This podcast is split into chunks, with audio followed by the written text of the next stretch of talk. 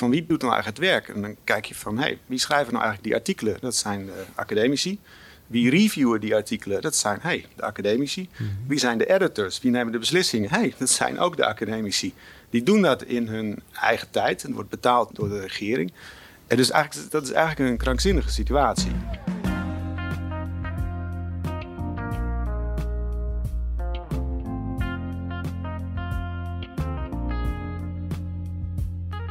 Welkom bij Library Live, de talkshow en podcast van de Universiteitsbibliotheek, waarin we met onderzoekers en docenten spreken over ontwikkelingen in de academische wereld.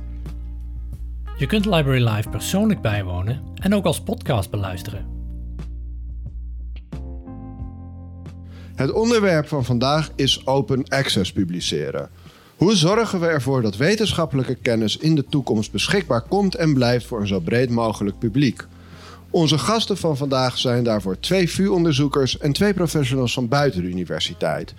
Dat zijn Eppo Groenewold, oud-conrector en thans adviseur van het Revius Lyceum in Doorn. Wies van Roosmalen, product owner van het programma Onderzoek en Implementatie bij KWF Kankerbestrijding. Dr. Elko de Ruiter, scheikundige aan de VU, die onder meer onderzoek doet naar nieuwe vormen van antibiotica. En Dr. Sander Begeer, Vrije Universiteit, faculteit van Bewegings- en Wetenschappen en klinische ontwikkelingspsychologie, gespecialiseerd in autisme. Met hen ga ik vanmiddag in gesprek over waarom het nu belangrijk is om de resultaten van wetenschappelijk onderzoek voor iedereen vrij toegankelijk te maken. En belangrijker nog over wat er in de praktijk voor nodig is om te zorgen dat onderzoekers ook echt open access kunnen en gaan publiceren. Welke drempels en misverstanden bestaan er nog en wat is nodig om die weg te nemen? Om te beginnen ga ik graag in gesprek met Eppo en Wies, uh, de twee professionals van buiten de universiteit, over waarom zij vanuit hun werkzaamheden respectievelijk het onderwijs en de zorg behoefte hebben aan toegang tot wetenschappelijke publicaties. Dat dit uitgangspunt niet voor iedereen vanzelfsprekend is, blijkt uit de recente kritische column in het NRC van VU-hoogleraar Martijn Katan. Die stelt dat, en ik citeer, dokters, leraren en MKB'ers meestal geen behoefte hebben aan de nieuwste wetenschappelijke artikelen. Einde citaat. Nou, dat citaat leg ik even aan jullie voor. En ik wil graag met jou beginnen, Eppo. Je bent jarenlang werkzaam geweest in het voortgezet onderwijs als docent, maar ook als bestuurder. Kun je allereerst kort uitleggen wat je werk dan precies inhoudt en waarom toegang tot wetenschappelijke publicaties daarin belangrijk is? Ja, um, ik was conrector tot aan de zomer. En uh, wat ik nu nog doe, is dat ik uh, betrokken ben onder andere bij een expertgroep die bezig is met de ontwikkeling van uh, een leerlijn, leerlijn onderzoeksvaardigheden op de school. Um, en dan ingaand op wat Catan gezegd heeft. Voor mij is dat een beetje een kip-ei verhaal. Van, mensen buiten de wetenschap hebben geen behoefte aan open access want wat doen ze ermee? Um, ik wil graag uh, refereren aan een contact dat wij met de Universiteit Utrecht hadden. En uh, daarin bleek dat uh, een soort verzuchting. Nieuwe studenten zijn niet in staat om ehm, zich bezig te houden met het vinden van bronnen. Ehm, dat hebben ze niet geleerd. We moeten ze dat allemaal op de universiteit aanleren. Um, nieuwe studenten, dat zijn uh, oud leerlingen uit het voor, voorbereidend wetenschappelijk onderwijs. Ze hebben het op school niet geleerd. Um, en dat uh, hebben we ons aangetrokken. En wij vinden dat uh, kennis verder moet gaan dan... oké, dat zoek ik op bij Wikipedia. er zijn gewoon veel meer wegen, databases die uh, onderzocht moeten worden, um, publicaties waar uh, iedereen recht op heeft. En uh, in onze ogen is, is kennis van iedereen en moet, moet die weg open liggen. En alleen moeten we ook leren die weg te bewandelen. En dat is iets dat je dan op school leert onder begeleiding van docenten. Dus het is voor ons een principiële insteek. En um, om het een beetje hoogdravend te zeggen, het is ook een stukje burgerschapszin. Waarbij je um, niet in een doolhof terecht moet komen uh, als MKB'er of als leraar of wat dan ook. Je moet gewoon uh, wegen kunnen vinden om kennis op te doen. Ja. En geen gesloten uh, wegen. Ja. Ja. Nou, dat lijkt me heel duidelijk. En ik denk dat ook de collega's hier aan de universiteit eh, eh, kunnen beamen dat het soms mooi zou zijn als eh, inkomende studenten al wat beter beslagen eh, ten ijs arriveren. Misschien een korte vervolgvraag. Eh, eh, jij bent al heel actief met dit onderwerp bezig. Dat, dat blijkt ook wel uit je antwoord. Ehm, dus ik kan me sowieso voorstellen dat jij in jullie school enigszins een voorloper is. Maar denk je dat dit ook breder al leeft binnen het voortgezet onderwijs? Zijn hier landelijke overleggen of netwerken die zich hiermee bezighouden? Of is dit echt een initiatief in eerste instantie wat van onderaf, van, van enthousiaste eh, mensen komt? Ik denk het laatste.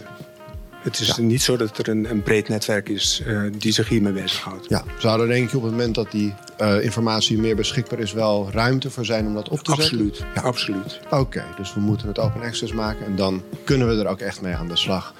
Ik draai me even om naar jou, Wies. Jij werkt bij het KWF. Misschien kun je kort even vertellen wat jij precies doet, wat het KWF precies doet voor degenen die dat niet weten. En ook weer aan jou dan de vraag: welke behoeften eh, hebben jullie aan betere toegang tot wetenschappelijke publicaties en welke mogelijke nadelen heeft het gebrek aan toegang eh, tot nu toe voor jullie gehad?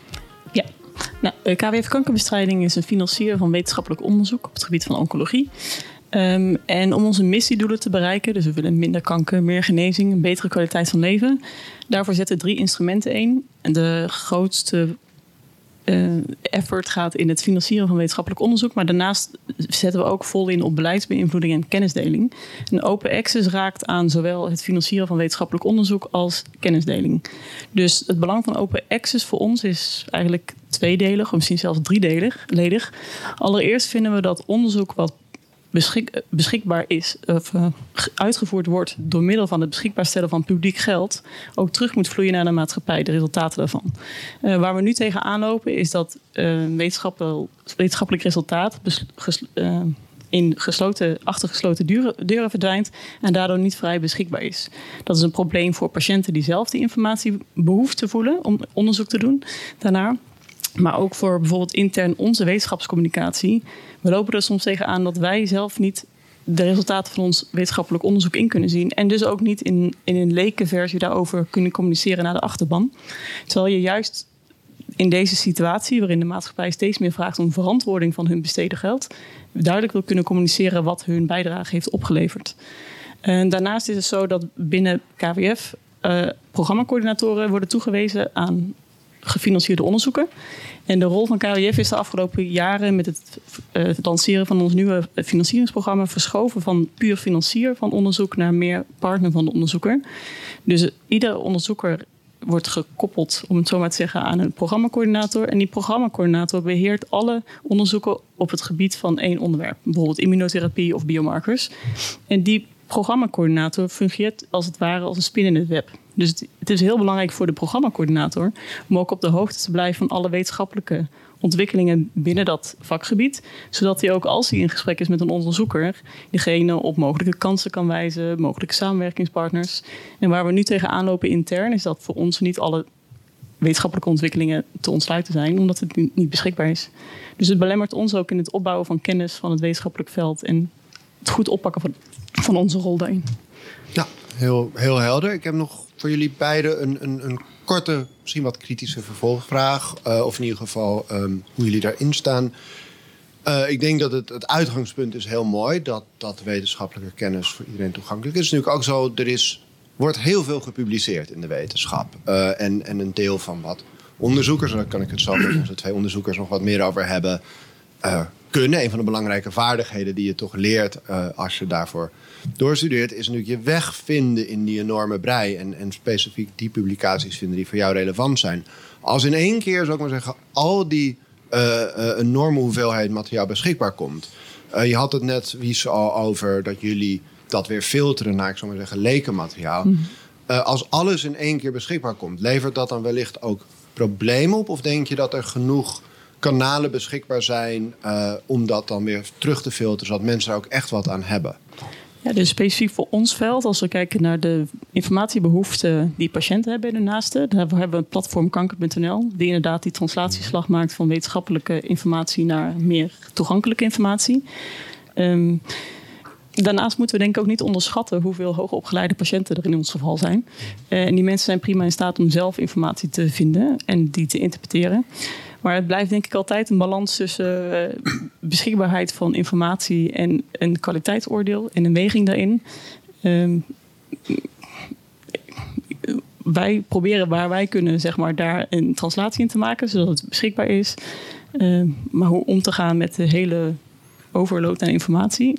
Ik denk dat dat vooral zit op een kwaliteitsbeoordeling van alle open access journals die eraan gaat komen. Ik daar zullen ja, we het zo nog even over hebben. Over de, de uh, spanning tussen beschikbaarheid en kwaliteit. Nog even voor jou, jouw ervaring met ja, middelbare scholieren die eigenlijk een eerste stappen zetten. Uh, je hebt uh, alles gezegd tegen me van nou, we lopen er tegenaan, we leren ze iets zoeken en dan kunnen ze het vinden, maar dan mogen ze er niet bij. Maar het kunnen vinden van de juiste bronnen, levert dat, nou ja, um, denk je, problemen op als er nog veel meer materiaal beschikbaar komt? Ons eerste belang is dat de, dat de leerlingen niet uh, maar, buiten het bos blijven, maar dat ze uh, in dat grote bos naar kastanjes gaan zoeken. En als het bos nu nog veel groter wordt, dan weten ze in ieder geval dat daar de kastanjes te halen zijn. En ze zullen uh, daarin voortdurend begeleid moeten worden. Eerst op de middelbare school en later op de universiteit. Maar ze geen toegang geven is het allerslechtste alternatief. Ja, dus jij zegt, hè, ik hoorde alle metafoor van het bos en van de uh, gesloten deuren en de dichte wegen. Ja. Gooi het eerst open en dan kunnen mensen vanzelf hun weg eigenlijk leren vinden. En goed, ik uh, ga graag even verder praten met onze collega's hier van de VU. Die, zou ik maar zeggen, aan de andere kant zitten. Zij zijn degene die al deze uh, publicaties uh, maken samen met al hun collega's hier en in de rest van het land en de rest van de wereld. Uh, de meeste wetenschappelijke publicaties komen uit in tijdschriften die, waar universiteiten abonnementsgeld voor betalen om die in te mogen zien. Hè. Vroeger fysiek in de bibliotheek, tegenwoordig vooral online.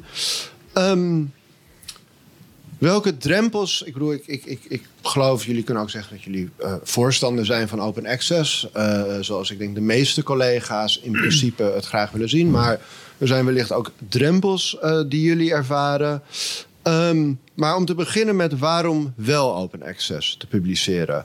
Um, Jullie hebben allebei ervaring met het publiceren in open access. Merken jullie een verschil? Uh, Sander, als ik met jou mag beginnen. Meer lezers, meer reacties, andere lezers? Niet, niet bewust. Niet bewust. Ik heb wel gelezen dat er onderzoeken naar zijn. En dat mensen zien dat, uh, mensen, dat de open access publicaties meer geciteerd worden bijvoorbeeld. -hmm. Dat kan ik me ook voorstellen. En ik kan me ook voorstellen dat het voor de trek tot globalisering heel belangrijk is. Dat mensen in in uh, uh, andere landen ook meer toegang uh, krijgen tot deze informatie. Dus dat is, maar ik persoonlijk heb ik het niet, niet nee. heel erg gemerkt. Nee. En ook niet meer reacties, want je doet vrij praktisch onderzoek, als ik heb begrepen. Ja, wat, nou, wat ik wel heb gemerkt, ik was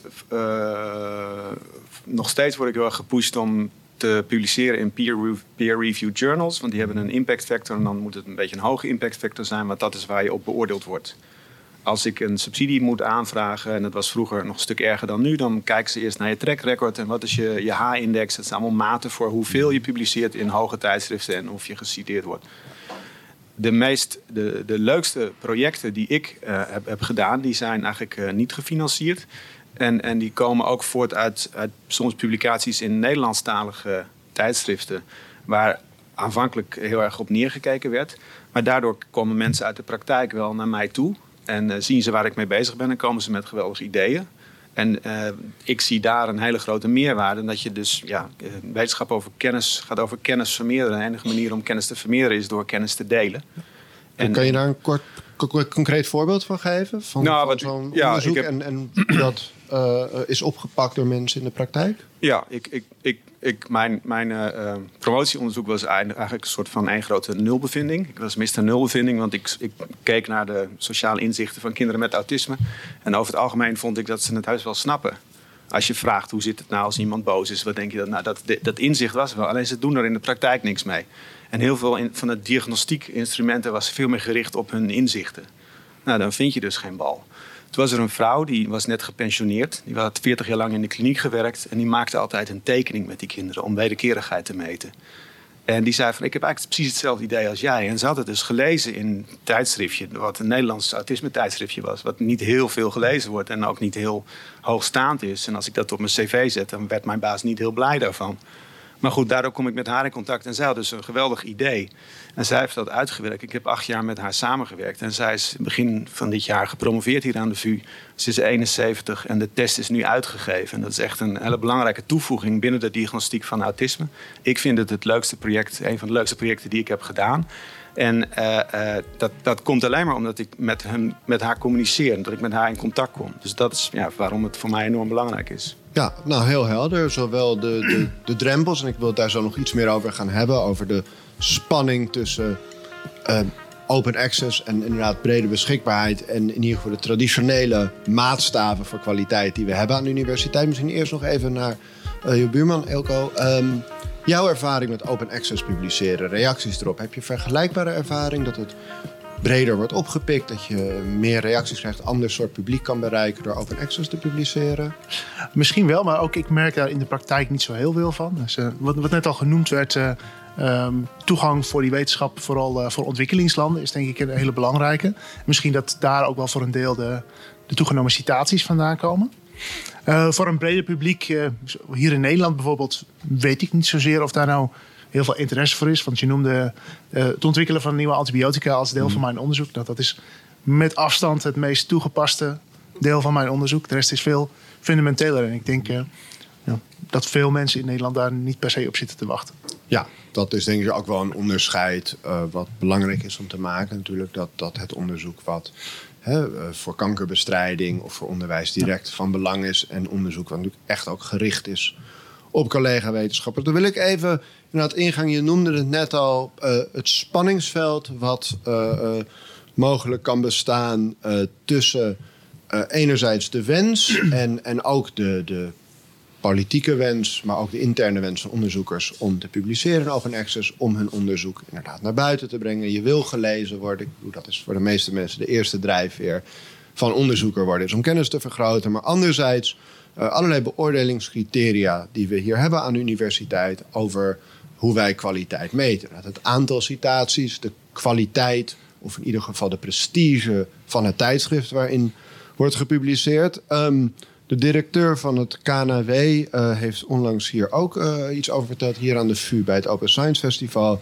Hij zei: We should get away from the impact factor, but it is often overstated. He, dus volgens hem speelt de impactfactor in de praktijk helemaal niet zo'n doorslaggevende rol bij beoordelingen en tellen ook andere zaken mee. Ervaren jullie dat in de praktijk ook zo? Of is dat een wens hier, ja, de vader van de gedachte? Toch niet echt. En een deel waar, waar, waarom we natuurlijk tot al die metrics zijn gekomen, is omdat de wetenschap te groot en te onoverzichtelijk is geworden. 100 jaar geleden kon iemand nog alles weten over een veld van de wetenschap. Tegenwoordig kan dat niet meer. Ja. En er zijn zo weinig mensen, eigenlijk geen mensen, die een overzicht kunnen hebben over een vakgebied als bijvoorbeeld de scheikunde. Mm -hmm. Je hebt dan ja, min of meer objectieve criteria nodig. En daar, daardoor zijn al die getallen er gekomen. Ja, dat is heel duidelijk. Uh, en die spelen dus ook nog steeds wel, uh, al dan niet direct, een, een niet meer op een directe manier, maar impliciet nog steeds wel een belangrijke rol bij bijvoorbeeld het verkrijgen van financiering. Ja, en, en hoe ervaar je dat in de praktijk? Ik bedoel, er is natuurlijk dus, dus een druk van buitenaf, van financiers of van managers, um, om te publiceren in die uh, uh, vertoonaangevende tijdschriften, omdat dat prestige oplevert. Merk je zelf ook dat die tijdschriften echt beter zijn? Dat je daar betere feedback krijgt van reviewers? Of dat je daar meer gelezen wordt of uh, ja. meer resultaat uit behaalt? Ja. Dus, dus, die impact ja, dus die impact factor Hey, Sander, dat geldt voor jou ook. Die impact factor is niet alleen maar een papieren werkelijkheid.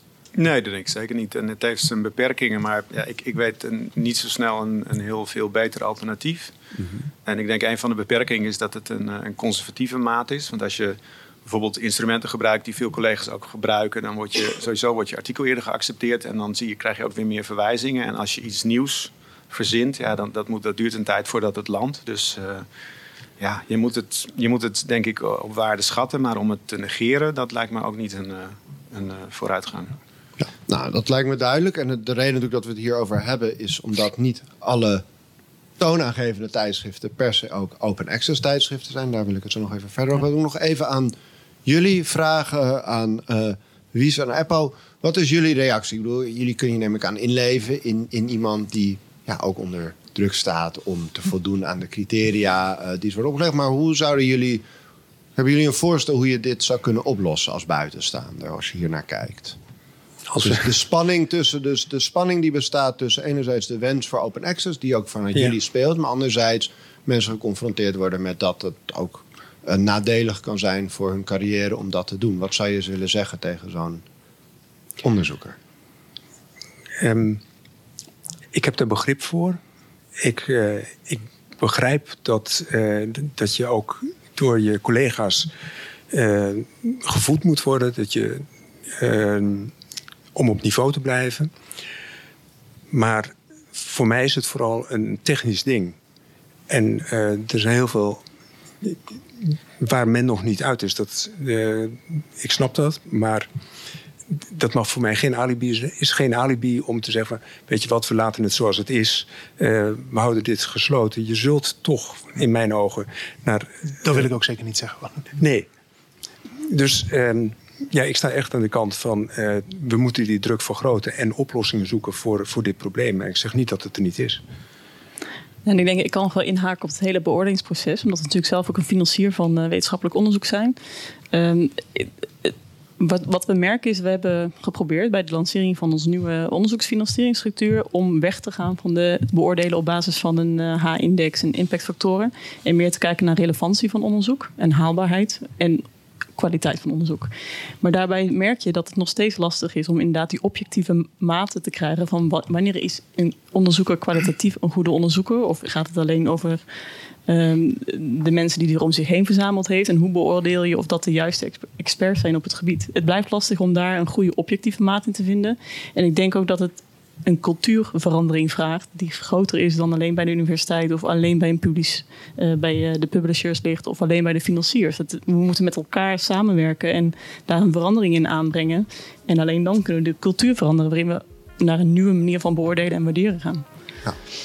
Helder, misschien is het een goed moment om daarop in te haken en te gaan kijken van welke kant we dan op moeten. Hè? Dus tot nu toe misschien het spanningsveld geschetst. Waarom zouden we open access überhaupt willen? Waar mag ik maar nog even ja, natuurlijk. Want ik, ik, ik, voel niet zo heel veel spanning. Volgens, mij, uh, volgens mij zijn we het redelijk eens. Kijk, ja. dat je zegt, je impact factor, dat is een issue. Maar daarnaast kan je helemaal voor open access zijn. Dus, ja. Uh, um... ja daarop aanhakend ook nog even. Uh, in mijn vakgebied zijn er heel veel toptijdschriften waar ik op dit moment gratis open access in kan publiceren door een deal die gemaakt is door de Nederlandse universiteiten met die uitgevers. Dat is voor mij een hele goede oplossing op dit moment. Ja, dat, dat begrijp ik. Uh, maar ik wil het daarover dan hebben. Dan komen we inderdaad op de vraag van hoe gaan we... Bedoel, het spanningsveld is dus over dat niet alle toptijdschriften zijn open Precies, access. Ja, ja. Dat, dat wou ik zeggen. Dus daar zit dan de spanning. We willen open access als onderzoeker, maar we willen ook, en als buitenstaander, maar onderzoekers willen ook in de beste tijdschriften publiceren. En voor zover die nog niet altijd overlappen, uh, kan dat een spanning opleveren. Jij noemt net de deals uh, die de universiteiten hebben. Dat klopt. Uh, dat zijn vaak deals met zogenoemde hybride tijdschriften. Um, dat is één van de vormen van open access. Hè. Als buitenstaander zie je eigenlijk alleen maar een tijdschrift is open of een tijdschrift is dicht. Ik kan er wel of niet bij maar vanuit universiteiten uh, zijn er verschillende vormen van. Het kan zijn dat een tijdschrift uit zichzelf helemaal open access is. Iedereen die in dat tijdschrift publiceert, uh, publiceert automatisch open access. Dat wordt meestal goud genoemd. Uh, je hebt hybride, waarbij het tijdschrift eigenlijk betaald is. Je moet een abonnement betalen, maar je mag ook als onderzoeker een bedrag, een fee betalen om jouw artikel open te stellen. er is ook nog de zogeheten groene route, waarbij het officiële artikel in een tijdschrift niet open is, maar de auteur een eigen versie elders, vaak op een universitaire database, online zet, al dan niet na een embargo-periode. Dat zijn de belangrijkste vormen.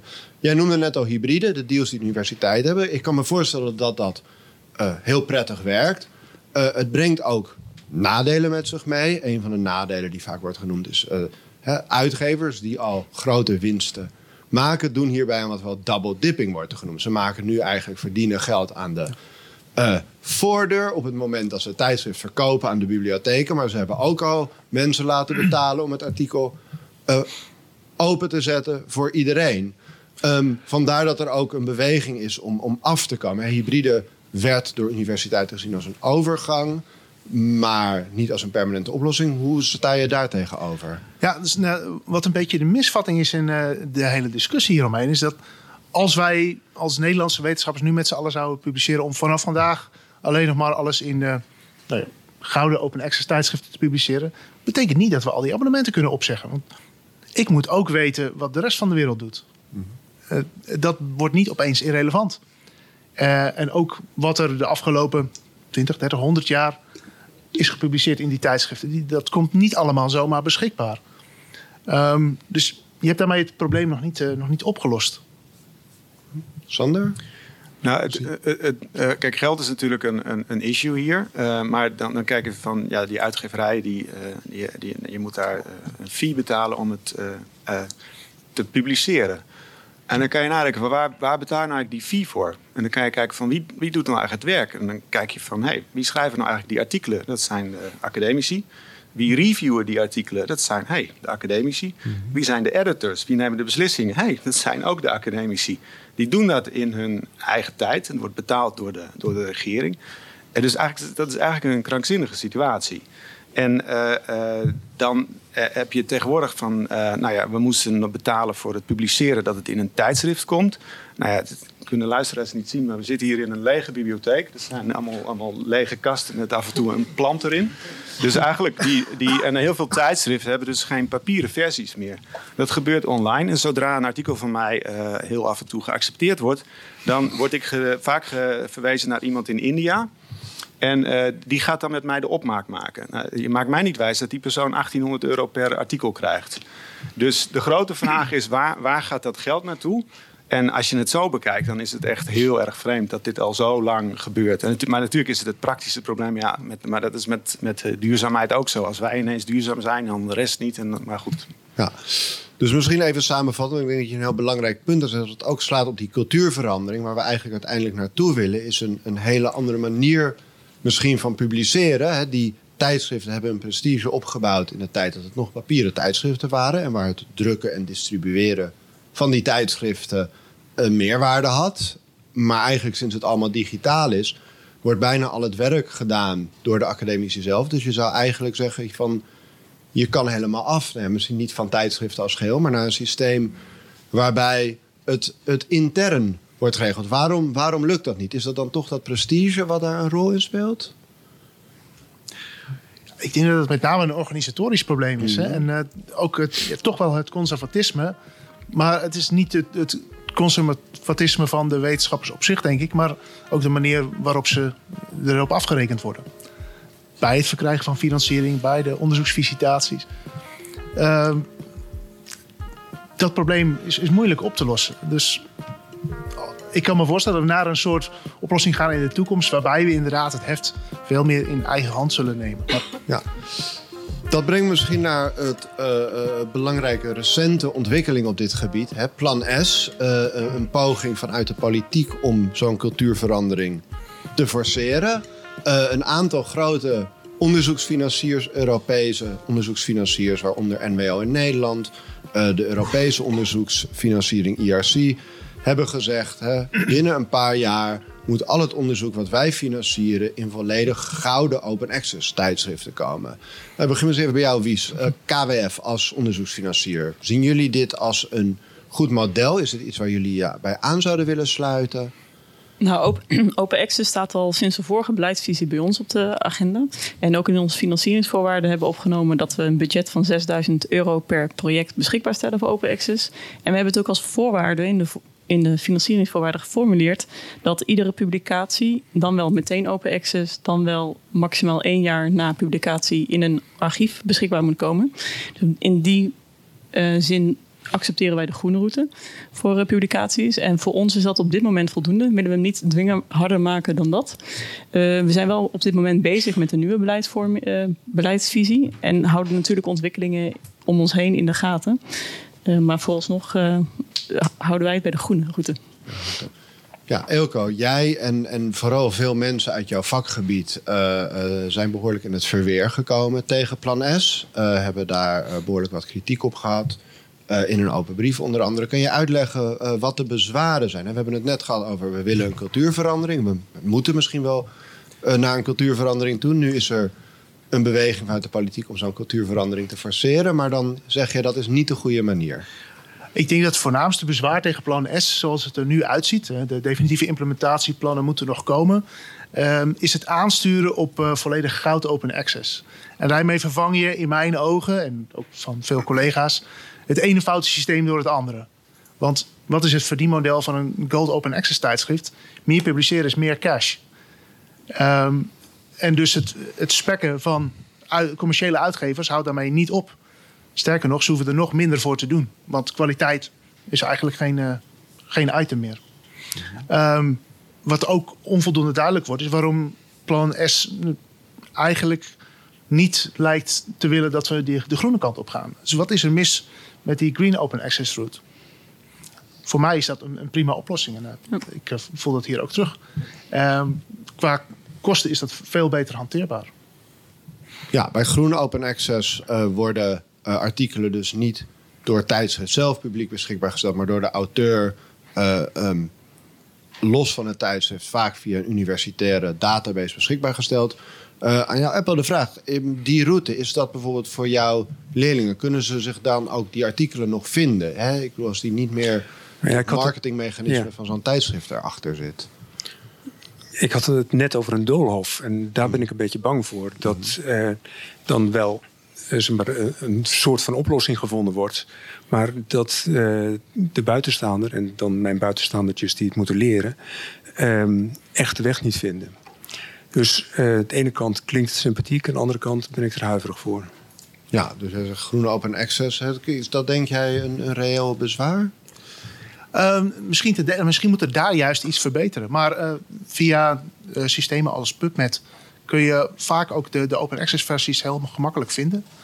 Uh, en misschien dat we dat veel breder moeten mm -hmm. doorvoeren. En de, de, de, vindbaarheid van die repository artikelen ja. moeten, moeten verbeteren inderdaad. Een ander nadeel van groene open access is dat er een, een embargo termijn op zit. Hè? Vaak een jaar, soms langer. Um, voor sommig fundamenteel onderzoek is dat misschien helemaal niet zo'n probleem. Maar wie ik kan me voorstellen, medisch onderzoek. Je wil niet een jaar hoeven wachten op de nieuwste inzichten als je daar ook levens mee kan redden. Nee, dus daarom stimuleren we onderzoekers om zoveel mogelijk direct open access te publiceren. Maar we hebben begrip voor de huidige manier van werken binnen de wetenschap. En vandaar dat we de groene route accepteren. Dus we proberen wel te stimuleren dat men zo vroeg mogelijk aan kennisdeling uh, werkt. Nog een andere vraag. Jij noemde net 6000 euro per project. Zou dat, Sander, denk jij genoeg zijn voor, voor de drie, huidige tarieven? Voor 3,5 artikel is dat 3,5 artikel. Oh. Soms, soms zelfs één. Ja. Ja. Ja. ja. Dus, dus, dus, dus dat is, merken jullie dat? Dat die, dat die kosten ontoereikend kunnen zijn soms? Uh, nu heb ik daar nog niet per se feedback op gekregen. Wat het, ons uitgangspunt ook altijd wel is, is dat wij niet volledig kostendekkend kunnen zijn als financier van onderzoek. Dus we leveren een bijdrage aan. Maar die kosten, die kosten zijn toch een soort van uh, fictief. Waar, waar, we hadden het net over wie doet nou al dat werk. Ja, ja. Wie maken, we zijn vooral winst aan het betalen voor mensen. Uh, ja, ik wil niet alles bagatelliseren wat een uitgever doet. Maar volgens mij is, er zit daar iets heel erg scheef. Maar zou je je voorstellen, hoe zie jij de oplossing voor dat probleem? Er wordt wel, wat, wat jij denk ik op aanstuurt, is wat wel uh, Diamond, Diamant Open Access wordt genoemd. Mm -hmm. Dat is een vorm waarbij uh, inderdaad eigenlijk de uitgever uh, volledig buitenspel wordt gezet. En uh, kosten zijn nog voor de auteur, nog voor de lezer van het artikel. Um, je zegt ook terecht van veel van de daadwerkelijke meerwaarde, om in die termen te spreken, wordt door de wetenschappers toch al om niet, of in ieder geval vanuit hun werkzaamheden verricht. Mm -hmm. Hoe zou je dat wel kunnen organiseren?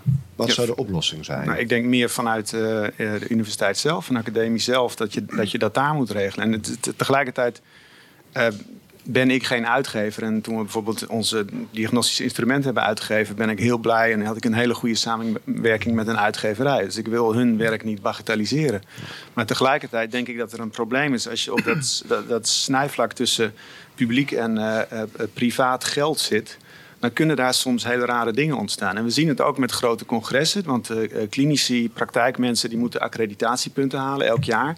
Die krijgen daar geld voor. Die komen dan naar een congres, die betalen 350 euro per dag, soms, soms nog een stuk meer. Dan zit daar soms, uh, ja, zit je voor een zaal van 500 mensen. Ik heb laatst een keer uitgerekend wat daar dan verdiend werd. En toen had ik ook de catering opgebeld om te vragen hoe duur de lunch was van hun. En ik heb de uh, zaalhuur aangevraagd. En vervolgens vroeg ik naar het congresbureau van jullie hebben gisteren 80.000 euro winst gemaakt binnen een sector van de klinische ontwikkelingspsychologie die echt ongelooflijk om geld loopt te roepen. En wat vinden jullie daar nou van? En toen werd die mevrouw echt heel erg boos. Die vond dat echt een, een impertinente vraag van mij.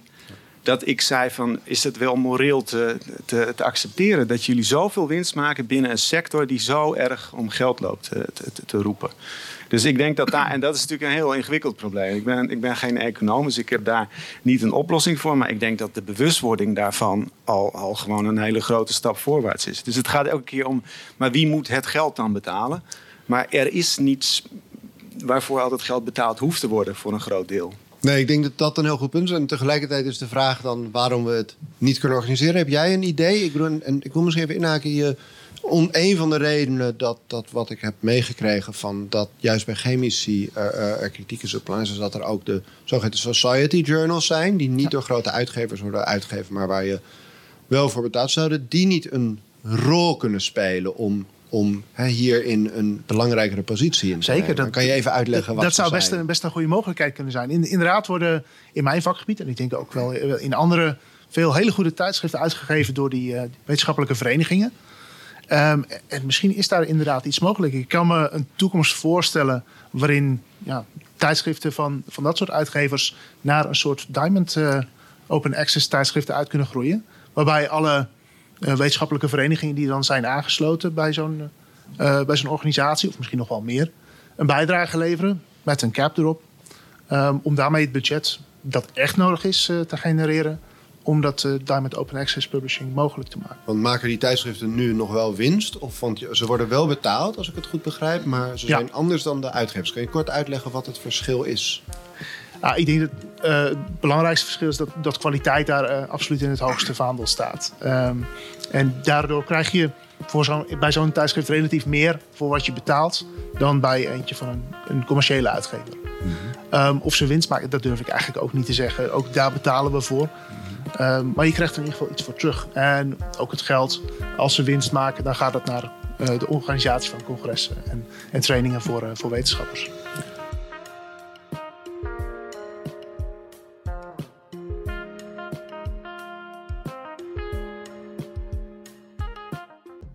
Wil je zelf aan de slag met open access publiceren? Bekijk dan de informatie op de website van de Universiteitsbibliotheek www.ub.vu.nl. Je vindt daar onder andere de VU Journal Publishing Guide. Hiermee kun je tijdschriften zoeken met hun impact factor en meteen bekijken of de VU een open access regeling heeft met de uitgever. Als je hierover vragen hebt, neem dan contact op via openaccess.ub-vu.nl.